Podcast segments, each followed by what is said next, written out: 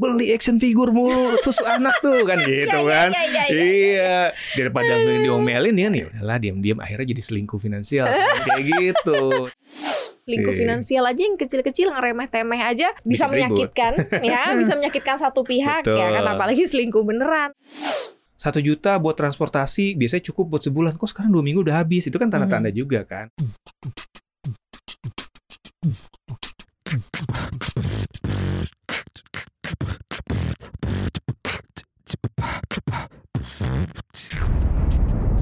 Cuap-cuap cuan. Halo Sobat Cuan, apa kabar? Ketemu lagi di podcast Cuap Cuap Cuan Kali ini bareng Maria Katarina dan juga Mas Ai Hidayah Financial Halo, Expert CNBC Indonesia Oh, hari ini kita akan masuk ke segmen Money, Love, Relationship Ini adalah salah satu segmen persembahan dari Cuap Cuap Cuan Untuk membicarakan persoalan percintaan Kemudian keuangan dan hubungan Yang selalu pasti ada hubungannya nggak sih? Iya pasti. money, love, relationship. Karena Ya. kalau tidak ada money, belum tentu ada love ya kan. Kalau nggak ada uang, nggak sayang nih. tidak mungkin ada hubungan ya. Nah, tema kita hari ini menarik banget sobat cuan dan pas banget sebenarnya bahas Mas Ai ya. Gue udah main ngakak. Karena kita bahas soal perselingkuhan finansial. Iya. Pernah gak sih sobat cuan eh, melakukan itu? Mungkin pernah nih secara Hmm. sadar atau tidak sadar. Tapi kita kasih tahu dulu yang kita maksud perselingkuhan finansial ini apa sih? Dari eh, mindset kita atau dari dari segmen mau kita bahas nih. Mm-mm. Kalau dari Mas Ai gambarannya perselingkuhan finansial tuh kayak apa sih? Iya. Jadi simpelnya sih gini ya, eh, dalam perencanaan keuangan itu kan kadang kita sudah melakukan budgeting ya. Eh, uang yang kita terima itu kita sudah budgeting, alokasikan lah ya gitu, untuk transportasi, untuk komunikasi, untuk makan dan lain sebagainya gitu ya. Nah, kenapa disebut ada selingkuh finansial? Mungkin bisa simpelnya karena ada uang yang sudah dialokasikan untuk hal tertentu dipakai Mm-mm. buat kebutuhan lain, gitu kan sesimpel itu kan. Oke. Dan biasanya mungkin orang yang make ini antara atau suami atau istrinya nggak bilang sama pasangannya. Itu disebut selingkuh gitu kan. Hmm, Jadi ya sesimpel itu aja sih Mbak Maria. Contoh misalnya kayak jajan-jajan online betul, gitu betul. ya. Iya, jadi selingkuh finansial tuh nggak mesti harus yang gede gitu ya. Mm-mm, mm-mm. Kadang-kadang kan kayak misalkan gini, eh misalkan dibudgetin untuk eh, transportasi sebulan satu juta gitu ya. Mm-mm. Tiba-tiba dipakai dua ribu buat jajan kopi gitu ya, tambah bilang pasangannya gitu kan. Lu kayak curhat ya soal kopi ya? Misalkan gitu ya, kadang-kadang kan orang ada yang nggak sadar juga gitu kan. Oke, oke, itu merupakan oke. bagian dari selingkuh atau Mhm. mungkin ada juga yang sadar itu selingkuh cuman Aha. ya dilakukan aja Tapi kan berarti kalau misalnya dia sudah melakukan melakukan itu gitu sesuatu hal yang sebenarnya tidak masuk dalam budget, berarti harusnya sadar nih perselingkuhan dengan harusnya sadar kesadaran, ya, harus kan? sadar ya Apalagi kalau diulang lagi, diulang lagi, Betul, diulang lagi. betul. Mungkin kalau lingkup yang lebih agak gedean lagi, sobat cuan mungkin kayak ngasih uang ke orang tua, Mm-mm, nggak mm-mm. bilang-bilang. Semua yang konsepnya diam-diam kayaknya Ya, ini betul. kita masuk ke dalam definisi perselingkuhan ya. Mm-mm, mm-mm. Sebenarnya ini eh, cukup berbahaya nggak sih dari kategorialnya? Membahayakan atau tidak? Iya, melakukan sebenarnya perselingkuhan berbahaya finansial ya. ini. Kalau dilakukan terus berulang, apalagi kalau nilainya besar ya, Mhm. ya berbahaya juga.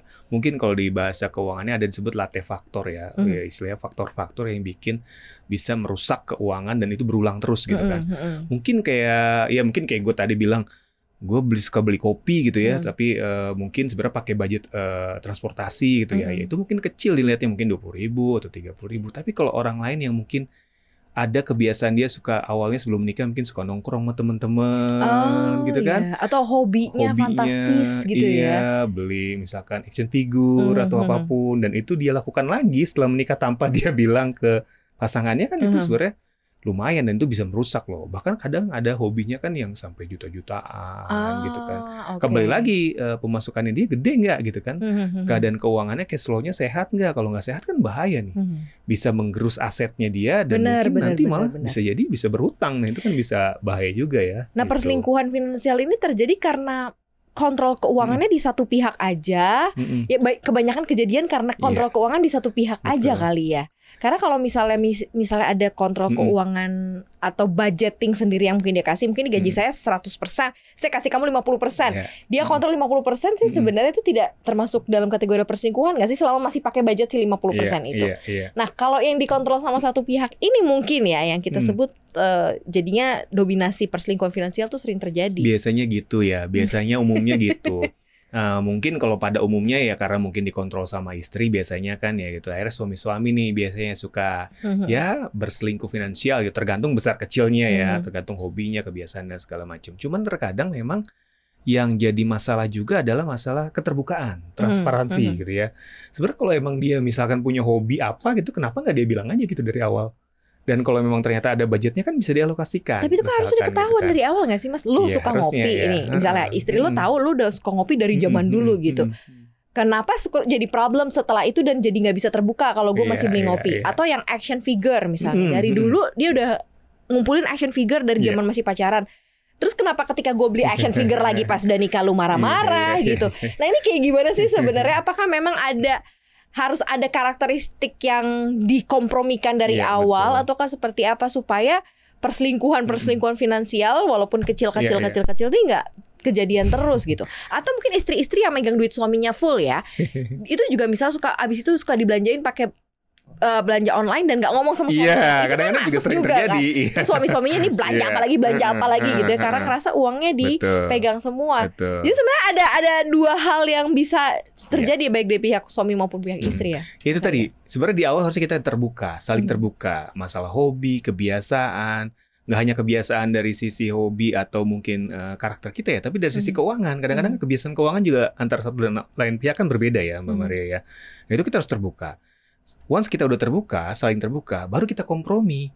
Kira-kira nih masih bisa diakomodir nggak ya Hmm. eh, kebiasaan kita yang Mhm. ini, Mhm. eh, pengeluaran kita yang ini karena kadang kan ya di saat kita single dan ketika sudah berkeluarga apalagi punya anak Hmm. kebutuhannya pasti beda Mbak Maria gitu kan pasti jauh lebih banyak kan pasti ada kalau misalkan penghasilannya atau pendapatannya terbatas ada hal-hal yang harus dikompromikan kan Mhm. yaudah deh lu boleh ngopi misalkan eh, dulu misalkan waktu single budgetnya satu juta sebulan ya Oke. kalau udah menikah kurangilah jadi Mhm, lima ratus ribu mhm, misalkan mhm, kayak gitu mhm. atau oke lu dulu eh, punya hobi action figure misalkan beli eh, let's say 10 juta gitu setiap Mhm. bulan sekarang dikurangi deh 2 juta aja gitu Hmm. itu kan hal-hal yang harus dikompromikan ya harus dikomunikasikan nah terkadang memang yang jadi masalah ya satu pasangan ini antara suami dan istri ini dia nggak mau, berkompromi gitu ya nggak Mhm, mau mengurangi mhm, mhm. hobinya itu itu kan yang sering jadi masalah akhirnya ya muncullah selingkuh-selingkuh finansial itu Hmm, gitu Karena lu sadar aja gitu kan, ya kan Mm-mm. udah nikah. posisinya beda lu udah nikah sekarang Iya, nggak single lagi gitu Sementara kan itu perlu dikompromikan, bukan Mm-mm. cuman menunggu kesadaran satu pihak aja, Betul. gitu ya nggak sih, Mas? Iya, atau kalau emang lu mau tetap standar lu segitu ya lu tingkatkan lah penghasilannya, Income-nya. income-nya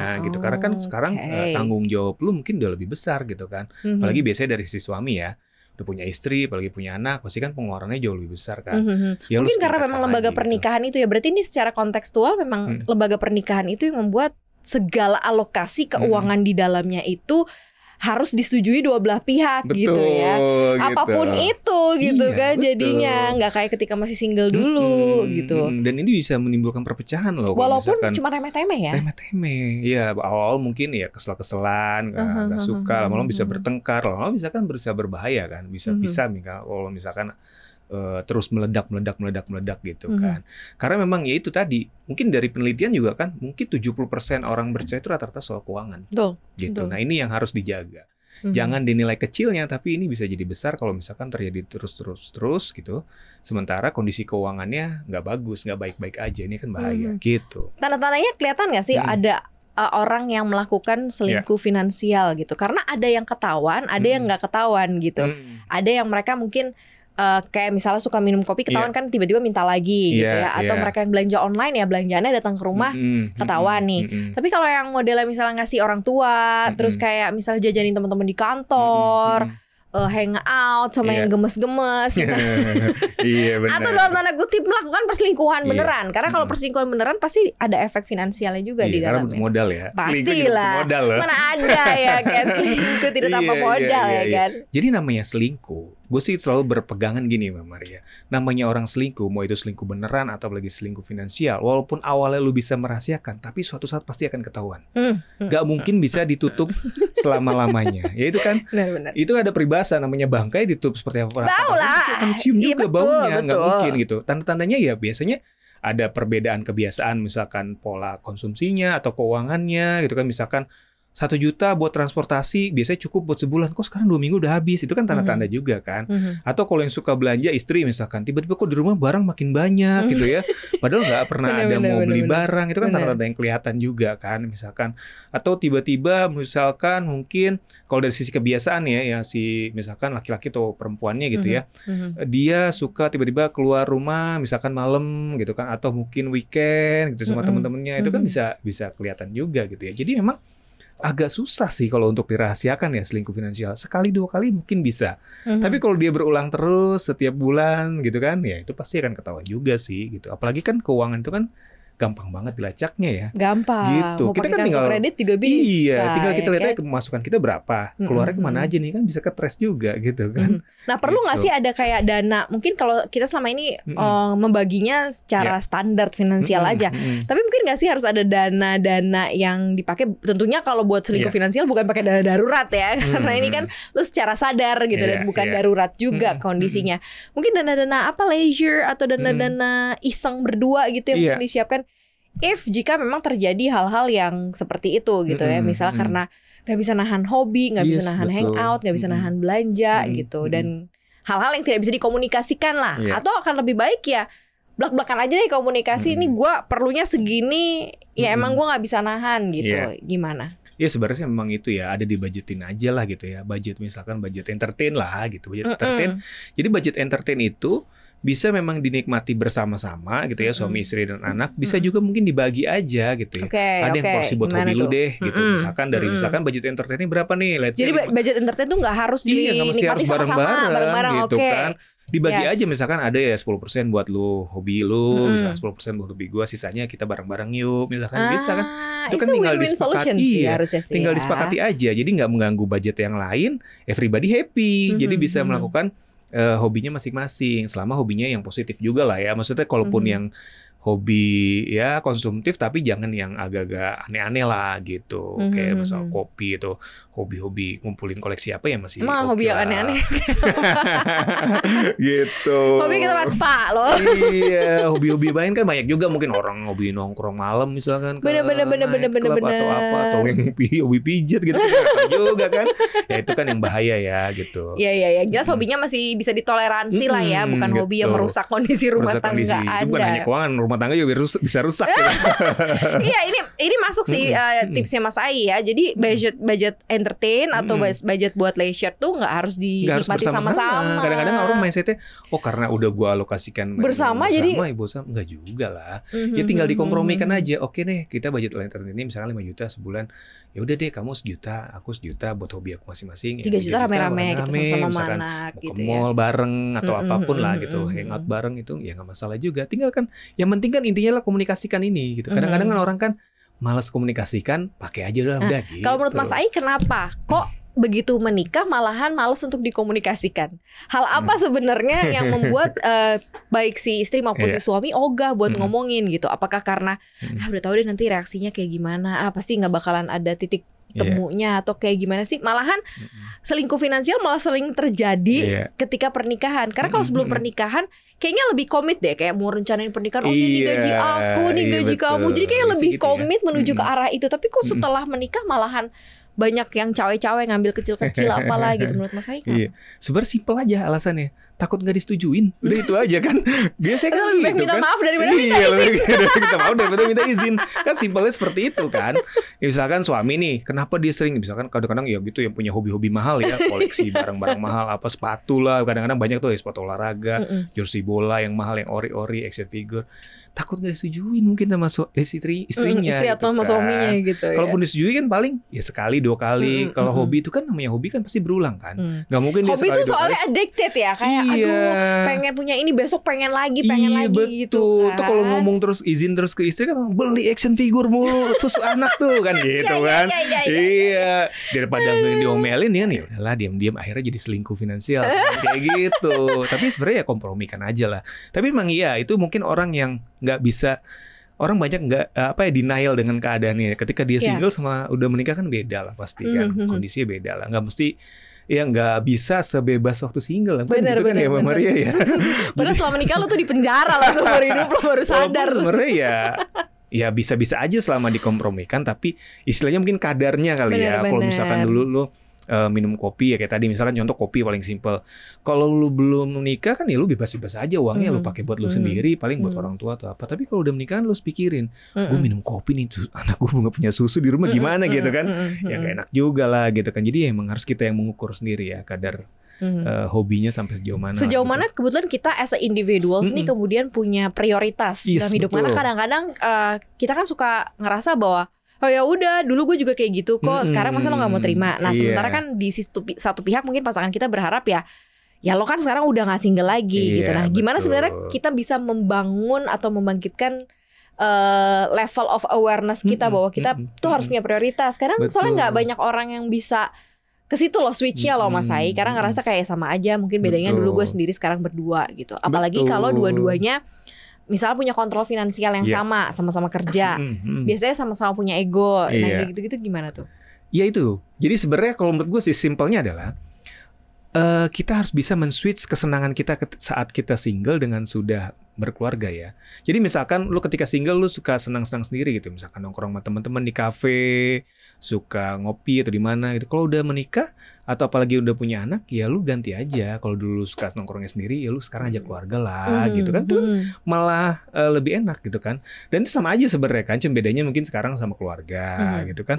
Atau ya eh, dulu lu misalkan lu hobi ngopi gitu kan ngopi terus ya sekarang gantilah misalkan eh, eh, sisihkan sebagian tuh misalkan ajak anak main ke tempat Oke, bermain. oke. Itu kan kesenangan juga yang sebenarnya bisa kita lakukan walaupun Mhm. beda aktivitinya tapi sebenarnya kalau kita bisa men-switch memori kita itu ya kesenangan juga cuma beda. tapi keserangan-keserangan di pressure bisa meningkatkan depresi di kemudian hari sih? iya sih. Soalnya kayak banyak orang yang kemudian kehilangan aduh jati dirinya Iya, gitu kan iya. ngerasa kayak kok gue nggak se-freedoms dulu atau mungkin gue nggak selepas dulu ya Hmm, mungkin karena ada faktor ABC-nya. Nah untuk mencegah Iya. ini supaya pernikahan tetap happy, tetapi Hmm, pribadi hmm, kita hmm. sebagai individu pun juga Iya. tetap happy Hmm. dan nggak ngerasa bersalah ketika kita menggunakan uang di luar semes- Mm-mm. eh, di luar yang semestinya nih gimana gitu. Ya tetap lakuin aja kesenangan yang lu lakukan ketika Tapi single gitu. Tapi sama dikomunikasikan pasangan ke lo gitu pasangan ya. eh, dan mungkin kalau memang ada keterbatasan uang, ya mau nggak mau harus dikompromikan. Tapi let's say kalau ternyata misalkan, oh gue budget penghasilan gue gede kok, nggak ada Mm-mm. masalah ya nggak Mm-mm. masalah nggak dikurangin nih misalkan gitu kan Mm. minum kopi biasa sejuta ya sejuta nggak masalah. Yang penting kan dia bertanggung jawab terhadap kebutuhannya yang lain gitu kan Hmm. dia ada tanggung jawab misalkan kebutuhan untuk anaknya, istrinya misalkan ya, istrinya juga gitu kan. Oh gue misalnya tentang dikasih duit sama suami segini ya nggak nggak boleh Ya, gue ya, habiskan juga karena gue harus pikir juga kebutuhan suami misalkan buat eh, bekerja atau apa gitu kan. Ya intinya sih lagi-lagi kembali dikompromikan dan dilihat ya kondisi Mhm. keuangannya seperti apa. Mana yang lebih berbahaya Mm-mm. menurut Mas Ai? Yang single income di Mm-mm. pos ke satu istri atau yang double income, yang masing-masing punya income sendiri? Ya sebenarnya sih ya semua ada plus minusnya ya. Mm. Kalau yang double income itu kan misalkan eh, komitmennya mereka gimana nih? Menurut gue itu lebih berbahaya. Iya berbahaya sih memang. Karena kayak gini, karena lo bisa revenge. Kayak Iya. misalnya gini, lo pakai duit lo gini, gue juga bisa pakai gitu kan. Iya, Jadi itu dia. akhirnya komunikasi Mm-mm, finansialnya nggak terjalan dengan nggak terjalan dengan rapi terus asik berselingkuh aja Iya, gitu loh. iya, Maksudnya iya. menikmati uangnya dengan caranya masing-masing. Padahal it's not good kan akhirnya buat Iya kehidupan betul rumah betul tangganya. betul. Nah itu makanya komunikasi penting banget ya. Kadang-kadang juga walaupun double income, misalkan Mama Ria dan suaminya punya income masing-masing, tapi kan harus ada income yang dilakukan untuk Betul, bersama-sama juga Betul. kan. Hmm. Selama ini lu bisa jaga, ya harusnya nggak masalah juga sih. Hmm. Asal itu tadi lagi-lagi jangan ja- jangan sampai lu gunakan eh, istilah laser lu untuk yang hal yang aneh-aneh. Lu udah menikah nih, udah punya anak misalkan gitu.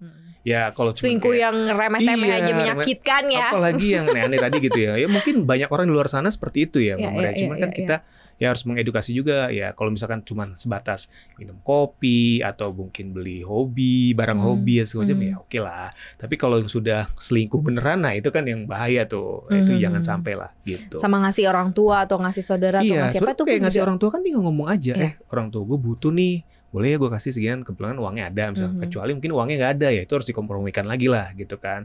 Nah, kita kan ada kebutuhan misalkan buat Ya, ya. masuk sekolah Ya, anak ya. atau apa ya, itu harus dikompromikan lagi. Jadi memang ya kondisi emang mau nggak mau ya kondisi ketika single dan sudah menikah itu berbeda Mbak Maria, pastilah. Mhm. Komunikasinya, keputusannya itu harus dikompromikan sebenarnya Mhm. ya. Mhm. Itu yang baik, yang ideal seperti itu.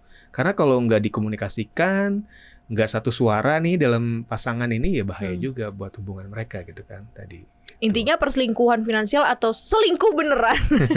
Kalau selingkuh beneran lo udah selingkuh, lo udah nodain janji lu, Iya. lu ngeluarin duit spend lebih banyak, uh, pusing ya kan. Selingkuh finansial aja yang kecil-kecil ngeremeh temeh aja iya. bisa bikin ribut. menyakitkan, ya bisa menyakitkan satu pihak ya kan. Betul. Apalagi selingkuh beneran, keluar duit macam-macam, tenaga, pikiran, dah lah ya. Iya. Yang jelas sobat cuan kalau misalnya masih ada hal-hal terkait mengenai finansial yang tidak atau belum dikomunikasikan bersama pasangan, mungkin mulai deh ya Iya, sekarang mulai ya.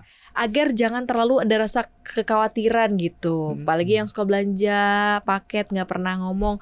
kan deg-degan kalau tukang Iya, paket iya. datang ya, waduh ada laki gue nih. Iya. Wah, diumpetin dulu paketnya gitu ya kayak gitu-gitu sering ya kan.